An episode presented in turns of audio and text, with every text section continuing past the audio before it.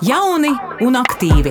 Šis ir podkāsts par to, kā mainīt pasauli sev apkārt. Studijā Rīta Ruduša un Ilmāns Šlapins. Mēs runāsim par cilvēkiem, kas grib un prot panākt izmaiņas. Vēlies būt jauns un aktīvs? Klausies mūs tagad, vai jebkurā sev pieejamā laikā.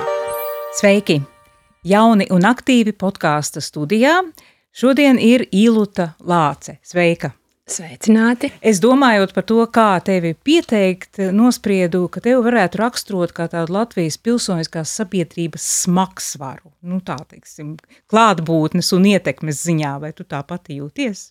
Nu, brīžiem es jūtos tā, ka es esmu ļoti daudz ko pieredzējis un redzējis, un kad uh, Jā, un es jūtos tā, ka daudzas lietas, kas kādreiz likās nesasniedzamas, ir sasniegtas, un tagad ir jautājums, kā mēs viņus īstenojam dzīvē, un daudzas lietas arī, kuras ir sasniegtas, um, arī kļūst par tādu tā kā jaunu izaicinājumu. Tā kā jā, jā, ir ar ko lepoties. Brīnišķīgi, par to mēs arī parunāsim, bet iesākumā īsa resursu centra sievietēm Marta vizītkarte.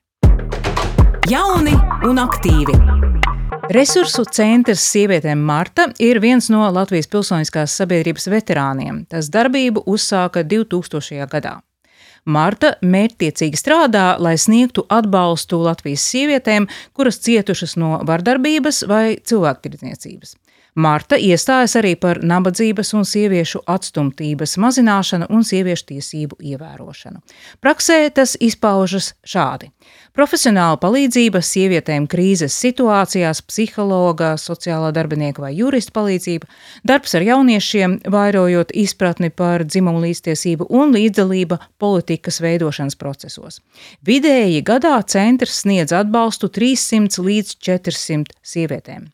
Viens no centra lielākajiem panākumiem sieviešu tiesību aizstāvības jomā ir grozījumi civil procesa likumā, kas nosaka, ja starp bijušiem vai esošiem laulātajiem vai personām, kuras ir savstarpēji saistītas, notiek jebkāda veida vardarbība, cietusī persona, policija vai bāriņtiesa var iesniegt pieteikumu par pagaidu aizsardzību, nošķirot varmāku no upura. Jauni un aktīvi! Man uzreiz ir jautājums, 2000. gads tas nemaz nav tik sen. Kas notika pirms tam, kāda bija situācija un kāda bija nepieciešamība pēc šāda centra? Noteikti šī nepieciešamība bija, un, un jau kopš bērnības es redzēju, ka ir nu, atšķirīga attieksme pret sievietēm un vīriešiem, un varbūt es tik ļoti pat nebiju iedziļinājusies un sapratusi jautājumus saistībā ar vardarbību un cilvēku tirniecību. Uh, Um, bet to, kad es redzēju, ka ir absolūta dzimuma diskriminācija vērojama un atšķirīgas attieksmes, tas bija skaidrs. Un jau pirms tā 2000. gada es ļoti aktīvi mēģināju kaut ko veikt un darīt, un veidoju tādas sieviešu klubiņas. Es arī savulaik veidoju sieviešu sarakstu uz uh, saimnes vēlēšanām.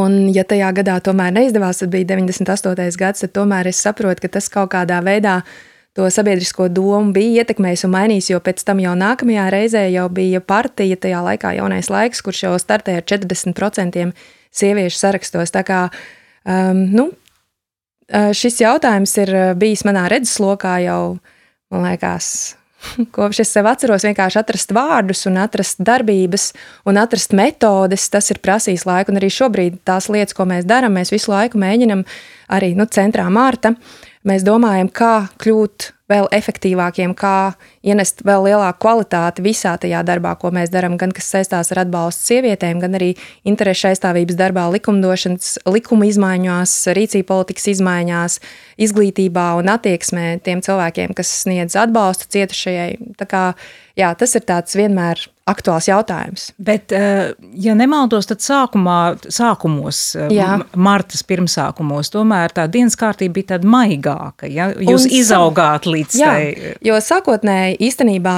tā doma bija palīdzēt sievietēm kļūt vēl veiksmīgākām, būt aktīvām biznesā, būt aktīvām politikā. Mums bija arī tāds, es atceros, ļoti, ļoti tāds e, brīnišķīgs projekts, kur mēs tiešām izglītojām sievietes par to, lai viņas būtu veiksmīgākas paužot savus politiskos vēstījumus un startētu uh, sarakstos dažādu partiju, un mēs arī veidojām viņām atpazīstamību, cik nu, tas bija iespējams. Uh, un, uh, Tomēr, sākot un darot to darbu, ko mēs darījām, mēs sapratām, ka sievietes ir tās, kas ienes šo jautājumu par vardarbību. Un principā nebija tādi spēlētāji vai organizācijas, kas reāli sniegtu kvalitatīvu atbalstu sievietēm, kas cieši no vardarbības un no cilvēku tirzniecības. Principā bija kaut kāds iniciatīvas, skalbas konsultēja, piemēram, bija kaut kādas citas iniciatīvas, bet tāda kvalitatīva, profesionāla pakalpojuma, rehabilitācijas programmas nebija. Un mēs sākām pie tā strādāt, un mēs sākām viņas veidot. Ar katru situāciju, kas ienāca centrā Mārta, mēs arī redzējām, cik ļoti nabadzīga ir mūsu uh, likuma bāze, cik ļoti nabadzīga ir. Mūsu rīcība politika bāze, cik ļoti nabadzīgi ir izpratni, īstenībā izpratne par šo jautājumu, cik ļoti mēs tolerējam vardarbību un principā nevērtējam sievieti kā, kā, kā cilvēku.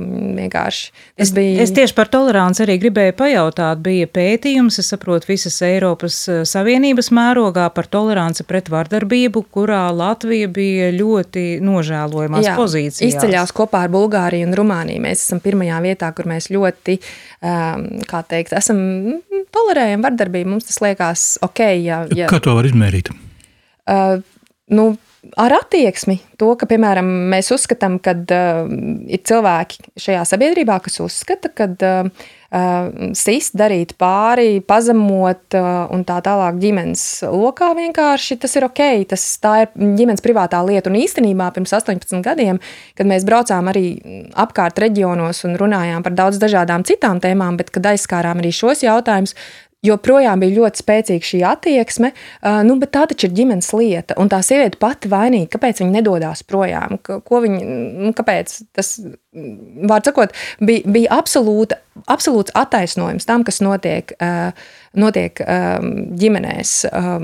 Vardarbība tika attaisnota visos iespējamos veidos. Un arī šobrīd, arī pirms kaut vai pirms šiem četriem gadiem, kad mēs bijām šokā par ģenerāla prokuratūras attieksmi saistībā ar izvarošanas gadījumiem, kur viņi nu, skaļi paziņoja, ka jā, ka sieviete pati var provocēt izvarošanas, un, un, un tad ir maigāki apstākļi tam cilvēkam, kas viņu izvaro, jo viņa varbūt ir bijusi iedzērusi, vai viņai ir bijuši šīs svārciņi, un kaut kādā veidā viņa provocēs. Nu, un tas teica valsts institūcijas pārstāve, kas ir, nu, kā, um, kurai būtu īstenībā jāiestājās pilnīgi pretējās pozīcijās un jāaicina vienkārši pārtraukt ja jau kāda veida šādas attieksmes. Vai... Turklāt viņa argumentēja to, ka viņai ir pieredze šādus gadījumus jā, skatīt. Jā, tieši tā, tieši tā. Un to mēs arī redzam, tas ir vienkārši to mēs redzam institūcijās. Mēs arī šobrīd to redzam institūciju attieksmē bieži vien, kad eh, kaut vai vakardien mums bija redzeslokā gadījums, kur, kur sieviete tiek eh, piekauta publiskā vietā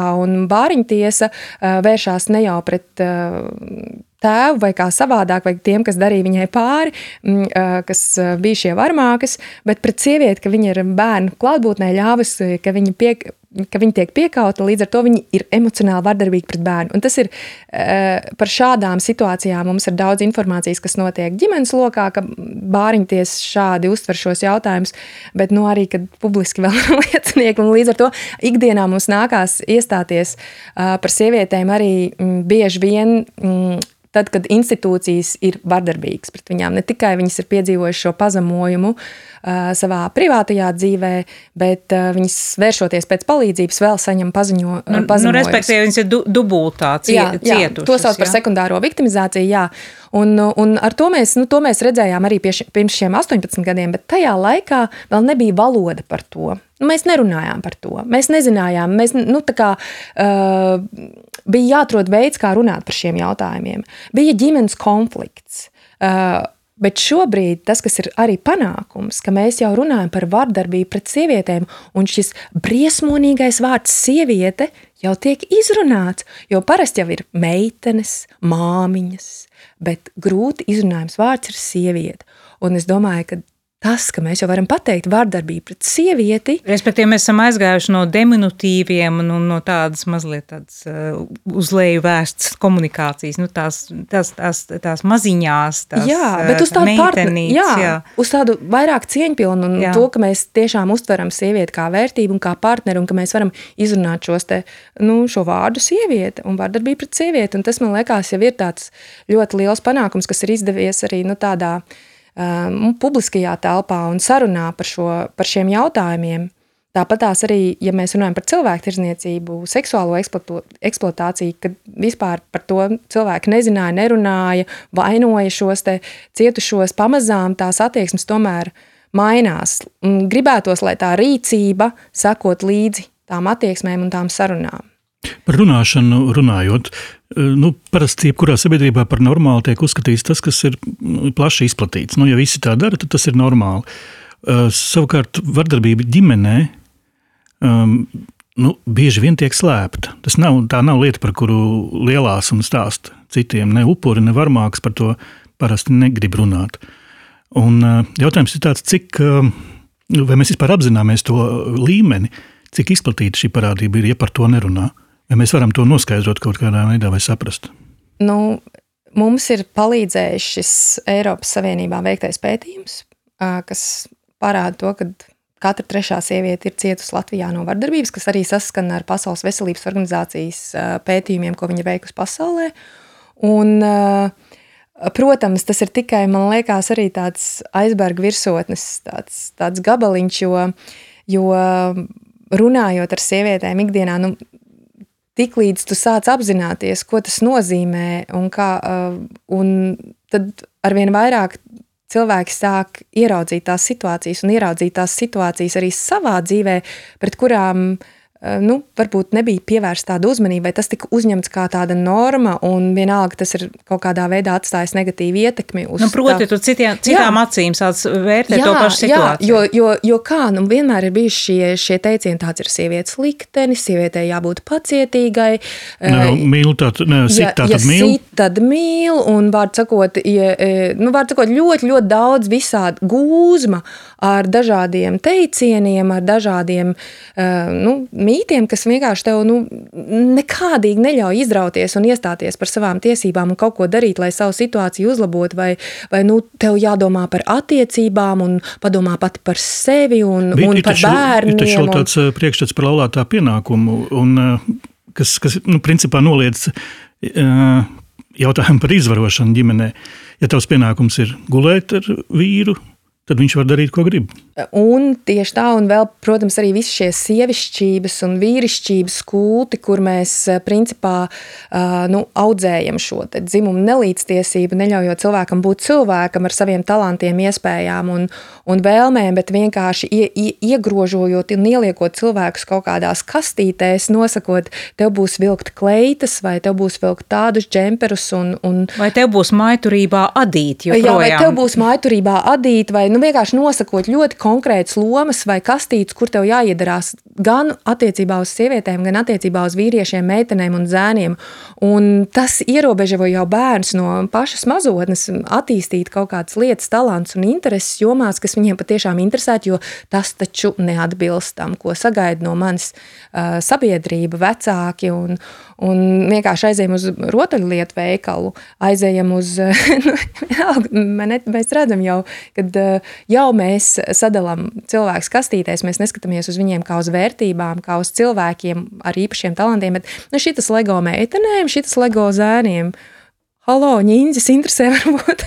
jā, viss, bet jā, ar LEGO Friends spēlējās uh, zēni, nu, tad tas varētu būt um, netik uh, atbilstoši. Lai gan LEGO jau tieši nu, iezīmē to pārējais uniseks, jā. Tā. Principā ar to jā. spēlēties jebkurš, tas, tas nav tā kā mašīnas un lēls, tas uh, ir pa vidu. Tur jau tā lieta Bet arī šajās LEGO līnijās mēs jau attīstām kaut kādas iezīmes, ar kuriem LEGO vajadzētu spēlēt. Tā ir rozā, rozā no, līnija, vai ne?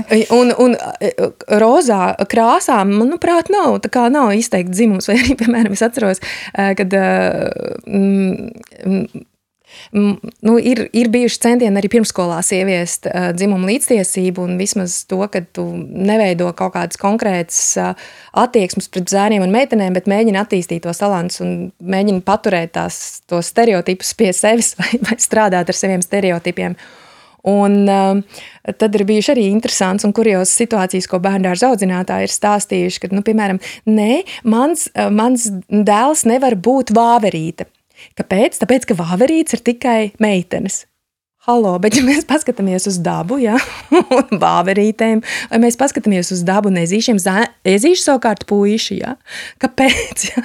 Vai tāpēc, ka galotne vārdam ir, uh, nu, nobeidzās ar es un uh, vāverīt beidzās no, ar e? No, valodā ja? ir tā problēma, ka jā, ir... vai, bet, ja mēs skatāmies uz procesiem, kas notiek dabā, ja, nu, tā kā mēs varētu redzēt, ka, nu, es domāju, par sliekām tur varētu just rasties, nu, es nezinu, nu, var sakot, ir tik interesanti, kā cilvēki, kā cilvēki raugās uz šīm lietām un kā viņi piešķir um, šo sievišķību un vīrieš, vīrišķību pat krāsām, dzīvniekiem, kuriem ar to nav nekāda sakara uh, vai, vai kā savādāk. Un tas, protams, at, attiecās tālāk uz, uz, uz, uz visām ikdienas lietām un arī galējā izkropļotā nelīdztiesības forma, kas ir uh, vardarbība pret sievieti, sievietes seksuālā, seksuālā eksploatācija, kur sievietes tiek visādā veidā pazemotas, izvarotas. Tā, tā kā, jā, šis ir, šis ir nu, jā, ļoti aktuāls jautājums. Es um, gribēju atgriezties mazliet pie tās attieksmes tieši no institūciju puses, no tiem cilvēkiem, kuri pirmie saskars ar vardarbību, nu, respektīvi policija, piemēram, vai tā būtu bāriņtiesa. Um, kā tu raksturotu, tis, vai ir progress attieksmē, va, un, un kā jūs strādājat, piemēram, jūs kā Marta un jūsu aktīvisti strādāja ar policiju, lai policijā vairotu izpratni par to, ko nozīmē vardarbība? Vardarbību pret sievieti? Nu, mēs strādājam daudz dažādos veidos. Viens no tiem ir, kad mēs mēģinam atrast uh, cilvēkus, uh, kuriem jau liekas, ka kaut kas nav kārtībā ar to, kā šobrīd ir, un kas kaut ko jau mēģina darīt, lai lietas mainītu. Un uh, tad mēs, piemēram, iedvesmojoties no, no, no no pieredzes un prakses un metodēm, kas ir ārpus Latvijas, arī nu, mēģinam šos cilvēkus aizvest, parādīt, kā tās lietas notiek. Piemēram, 2016.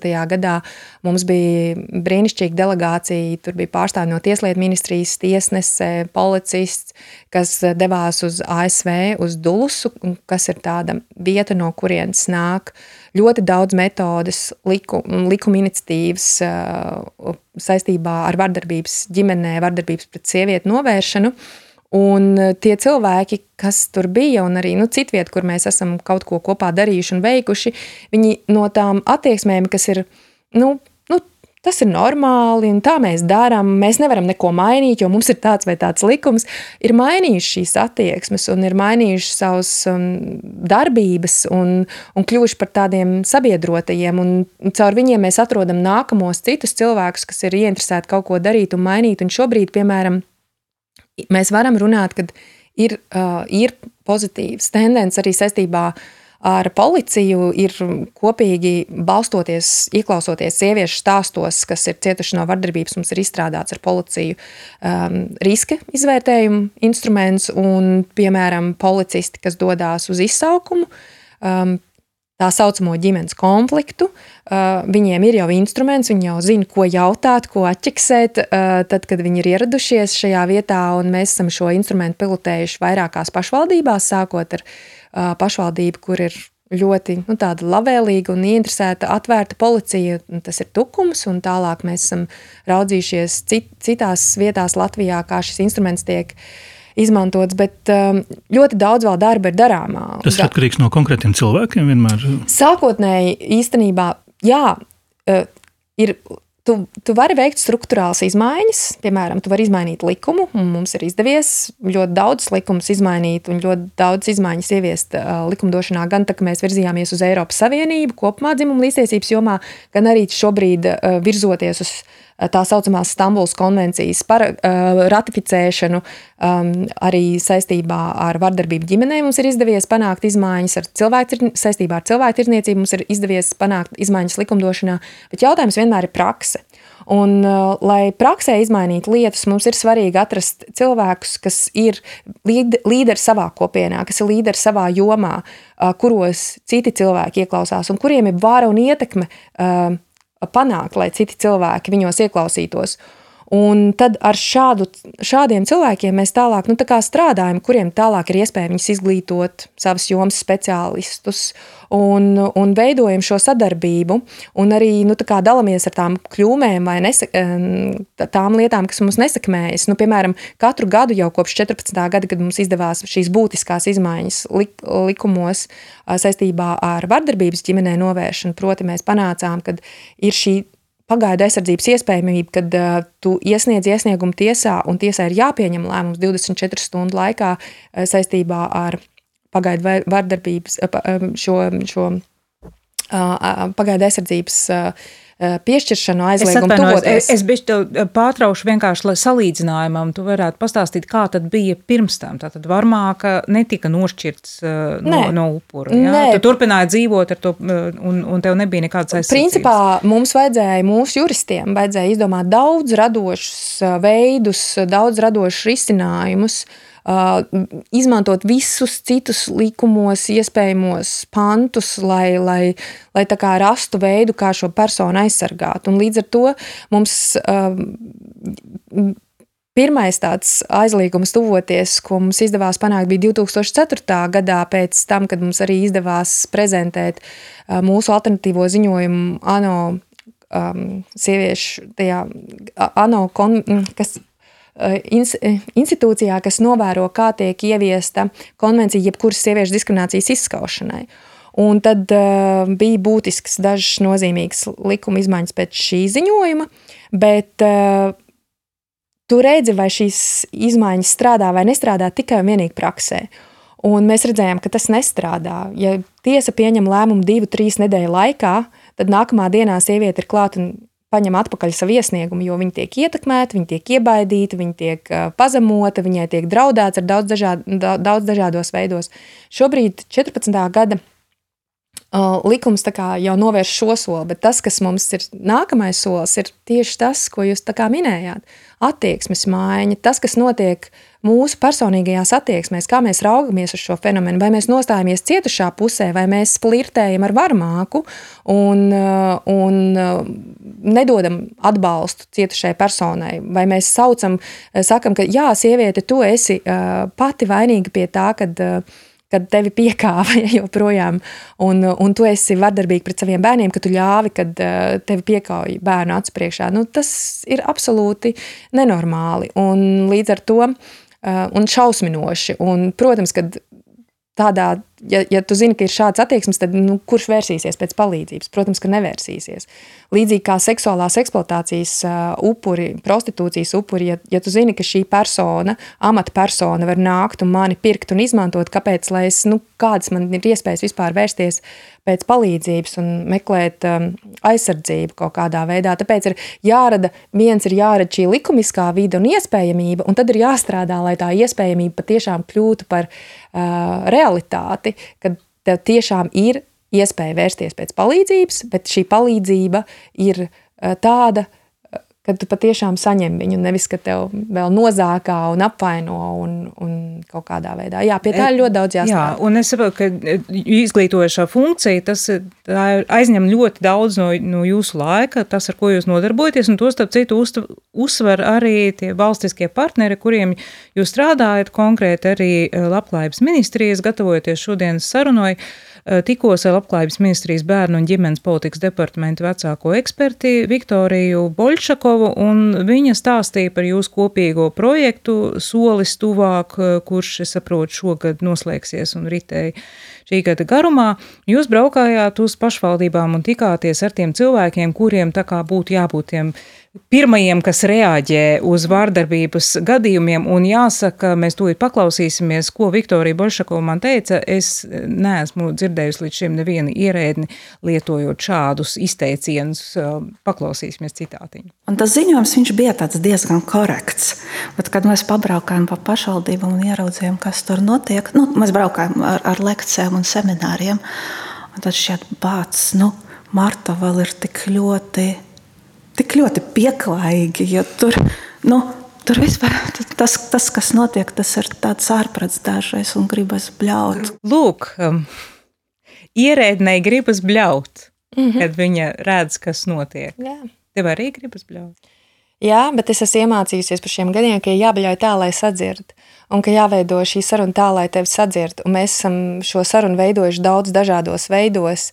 Mēs esam, kā jau es teicu, tos cilvēkus izglītojuši, veduši, rādījuši, kā notiek citās vietās. Mēģinājuši, nu, mēģinājuši veidot šo iejūtību pret otru cilvēku. Mēs esam skaļi bļāvuši caur alternatīviem ziņojumiem, un pēc tam varbūt kādu laiciņu vispār valsts institūcijas nav gribējuši mūs redzēt, vai arī man ir bijusi pieredze, ka man izsauc uz sarunu un jautā, vai tiešām tu gribi mūsu valstī šādu sliktu reputāciju, kad es saku, nē, es gribu, lai mūsu valstī uh, notiek labas lietas un lai mēs mainām savu attieksmi un uzvedību. Mums ir bijuši nu, daudz dažādi veidi, kā, kā mēs vai arī nu, organizējuši inicējuši dažādas darbnīcas, darba grupas, konferences, kur mēs visādā veidā mēģinam kampaņas, akcijas, nu, daudz dažādos veidos, sasaistot ar mākslu, ne ar mākslu. Es zinu, ka uh, vienu laiku mēs arī, mm, viens no ļoti aktuāliem jautājumiem ir pirmkārt arī dabūt resursus tam mūsu darbam, ko mēs darām, finansējumu tam, ko mēs darām. Un, uh, Un viens no lielākajiem sasniegumiem arī ir tas, ka mēs esam visus šos 18 gadus, neskatoties uz absolūtu neatbalstu no, no, no finansiālā ziņā, no valsts puses vai pašvaldību puses, eh, ka mēs esam bijušas atvērtas sievietēm un atvērtas durvis, un nu, katru darbu dienu šīs sievietes var zvanīt un vērsties pēc palīdzības. Tā kā nu, tie veidi, kā kā runāt, kā veidot, kā bļaut, eh, lai mūs sadzirdētu, ir bijuši dažādi. Un, un, piemēram, viens no viņiem ir bijis arī mūzika. Mēs esam rīkojuši koncertus, dziedājušas. Skandināvijā uh, uh, meklējuši resursus mūsu darbam, vienlaicīgi meklējuši atbalstītājus visādā ziņā, kas kā, novērtētu to, ko mēs darām, un atbalstītājus arī idejiskā ziņā, jo, jo bieži vien uh, nu, cilvēki, nu, kad tu saki cilvēku tirzniecību vai vardarbību pret sievietēm, nu, tas ir tāds, oh, smaga tematika, nu, negribās par to runāt vai, vai kā, bet ja tu pārvēr to kaut kamī pozitīvā, ko mēs arī cenšamies darīt. Uh, un, piemēram, mēs dziedam, un, un, un uh, cilvēki sadzird, kā mēs dziedam, un tad viņi saka, ah, feministi, tu esi feministe, jā? un, un, ah, bet, nu, tu tāda jauka sieviete izskaties, vai tiešām tu esi feministe? Es saku, nu, jā, un tas nozīmē to un to, un, un, uh, un tam ar jaukumu vai nejaukumu nav nekāda sakara, bet drīzāk ar izpratni par dzimumu hierarhiju un šo te um, pakārtoto situāciju, un ka tu kaut ko dari, lai to situāciju mainītu, un lai tu veidot šo līdztiesīgo sabiedrību. Un, kad, uh, un tiešām cilvēku tirdzniecība ir problēma. Es saku, jā, un varbūt tev kaimiņos ir kāds cilvēks, kas tiek šobrīd seksuāli eksploatēts un, un, un pārdots un pazemots. Un, ah, jā, es atceros kaut kādu tādu situāciju, un tad, kad tu runā ar cilvēkiem, un viņi tevi sadzird kaut, caur kaut kādiem citiem aspektiem, um, tad uh, nu, tu atrodi tos cilvēkus no pilnīgi dažādām citām jomām, kas var veidoties kā tavi sabiedrotie atbalstītāji un kas nu, grib virzīt uh, to ideju arī, ko mēs nesam, un tādi vairāki nu, tā vēstneši šim darbam, un, bet, uh, un vai, tas ir super. Vienkārši. Bet vai tev atru, izdodas atrast uh, dzirdīgas ausis, tad, kad tu runā, piemēram, par puskailām meitenēm autoriepu reklāmās? Uh, gan, gan, jo nu, tur atkal ir jāmeklē resursi, lai šo jautājumu ļoti pamatīgi virzītu, jo uh, par dažām reklāmām mēs esam patiešām vērsušies, sūdzējušās un, kā teikt, bļāvušas, kā nu, tādā korektā veidā. For, formulē, lūdzu, kāpēc tā ir problēma? Kāpēc puskailas meitenes pret, atspiedušās pret bārla leti un ar riepām fonā ir problēma? Uh, jautājums ir, ko tu uh, ar šo gribi pateikt? Ja tu reklamē riepas, tad kāds sakars riepām ir ar puskailām meitenēm? Ja tu reklamē leduskapi, tad kāds sakars kailai sievietei ir ar leduskapi? Uh, nu, vienkārši kaut kā neiet kopā tematiski. Un, un, um, un, un līdz ar to mēs redzam, ka šādā veidā sievietes vērtība tiek pie, piemēram nu, nomazināta līdz nulē. Viņa vienkārši ir produkts, viņa vienkārši ir lieta. Un to mēs redzam arī um, seksuālā eksploatācijā. Arī sievietes, ir, kuras mēs esam, ar kurām mēs esam runājuši, un kas ir prostitūcijā viņas ir vienkārši teikušas, jā, bet tas jau ir visapkārt, publiskajā telpā. Sievietes vienkārši tiek parādītas kā produkti, viņas, viņas tiek pirktas un pārdotas. Kā es vienkārši, nu, kā, kā, vienkārši kā prece, kā reņģis. Ja, tas jau zināms izteiciens reklāmas jomā, ka seks, seks sells. Bet te jau nav runa par seksu.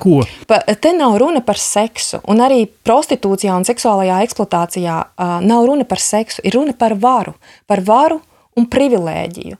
Un ko tu dari ar savu varu, ietekmi un privilēģiju. Uh, un visa šī kampaņa, arī, kas pasaulē bija, um, šī MeToo, e, es arī kampaņa, viņa ir, uh, lai parādītu, ka seksuālā aizskaršana ir par varu un privilēģiju, ka tu izmanto savu stāvokli, lai izmantotu kādu citu savam kaut kādam konkrētam labumam. Un šajā gadījumā arī par reklāmām nav runa par seksu, ir runa par to, ka tu objektivizē uh, konkrēti sievietes, un tas vistiešākajā veidā arī e, sasaucās ar to, ka sievietes sāk pašas un meitenes sāk pašas sevi objektivizēt, un arī sasaucās ar to, ka sievietes nekad nav gana labas. E, viņas nav nekad gana labas. Vai, nu viņas ir pārāk apaļīgas, vai nu viņas ir pārāk tievas, vai nu viņas Uh, smaržo ne tā, vai nu viņā, var sakot, nekad nav labi.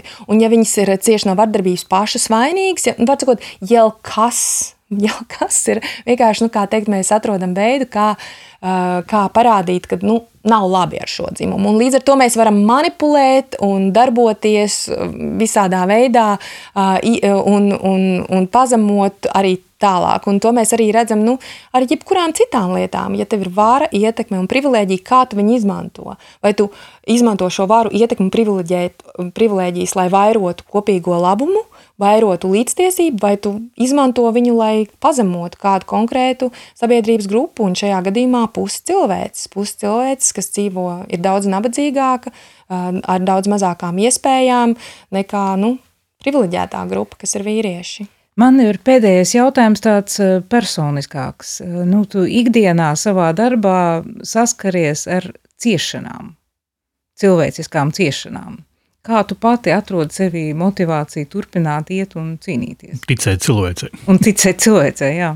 Nu, ir tā, ka ir daba, un ir ezeri, un dīķi, un jūra, kuros var peldēt. un tas ļoti palīdz. Uh, ir cilvēki, kas arī ir līderi citās valstīs. Piemēram, mēs ļoti palīdzam, atbalstam veidot tādas programmas kā Martai ir Centrālā Azijā. Uh, un tu redzi, kā šie līderi um, darbojās, cīnās, ņemās šajās valstīs, un tas iedvesmo. Un arī tas, ka, piemēram, ir aktīvistes, ar kurām es satiekos um, globālajos sajietos, un es redzu, ko viņas ir panākušas, un kam viņas ir gājušas cauri, un kā viņas nav padavušās, un tas iedvesmo. Un arī man ir tādi brīnišķīgi draugi, kas dažreiz par mani parūpējās. Un, piemēram, vienu gadu es atceros, viena zviedru deputāta uzaicināja mani ar bērniem uz savām mājām un vienkārši teica, Ilu, tu neko nedari, tu tikai runājies un es gatavošu ēst, un tad mēs staigāsim pa mēžu un tā.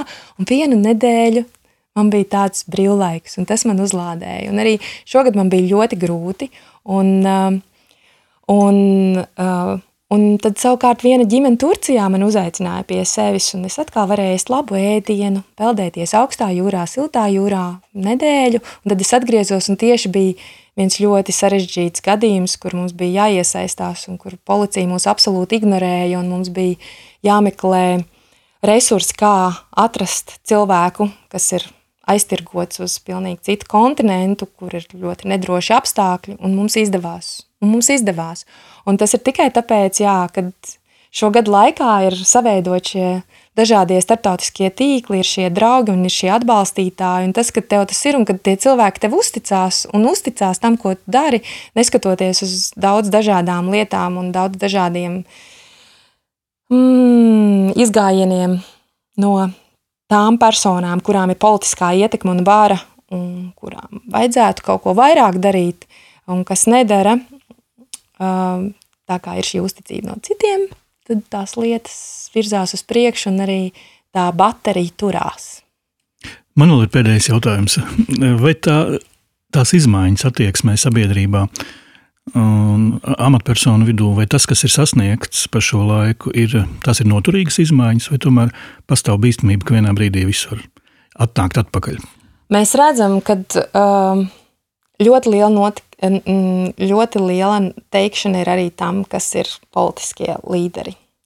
Uh, tam ir ietekme tas, kas mums ir izdevies, kad ir cilvēki ierēdniecības līmenī, kas varbūt pirms tiem 18 gadiem, kad mēs sākām, bija citās pozīcijās, bet darot lietas kopā, veidojot projektus kopā, šīs attieksmes ir mainījušās un viņi ir kļuvuši tiešām par absolūtiem sabiedrotiem. Un, jā, es domāju, tieši tāpēc ir ļoti svarīgi strādāt uz to, lai mums būtu politiskā līderība, kas ir ieinteresēta līdztiesīgas sabiedrības veidošanā un tādas Latvijas veidošanā, par kuru mums ir lepnums. Paldies Ilutai Lācei un tiksimies nākamreiz. Podkāsts Jauni un aktīvi tapis ar Sabiedrības integrācijas fonda atbalstu.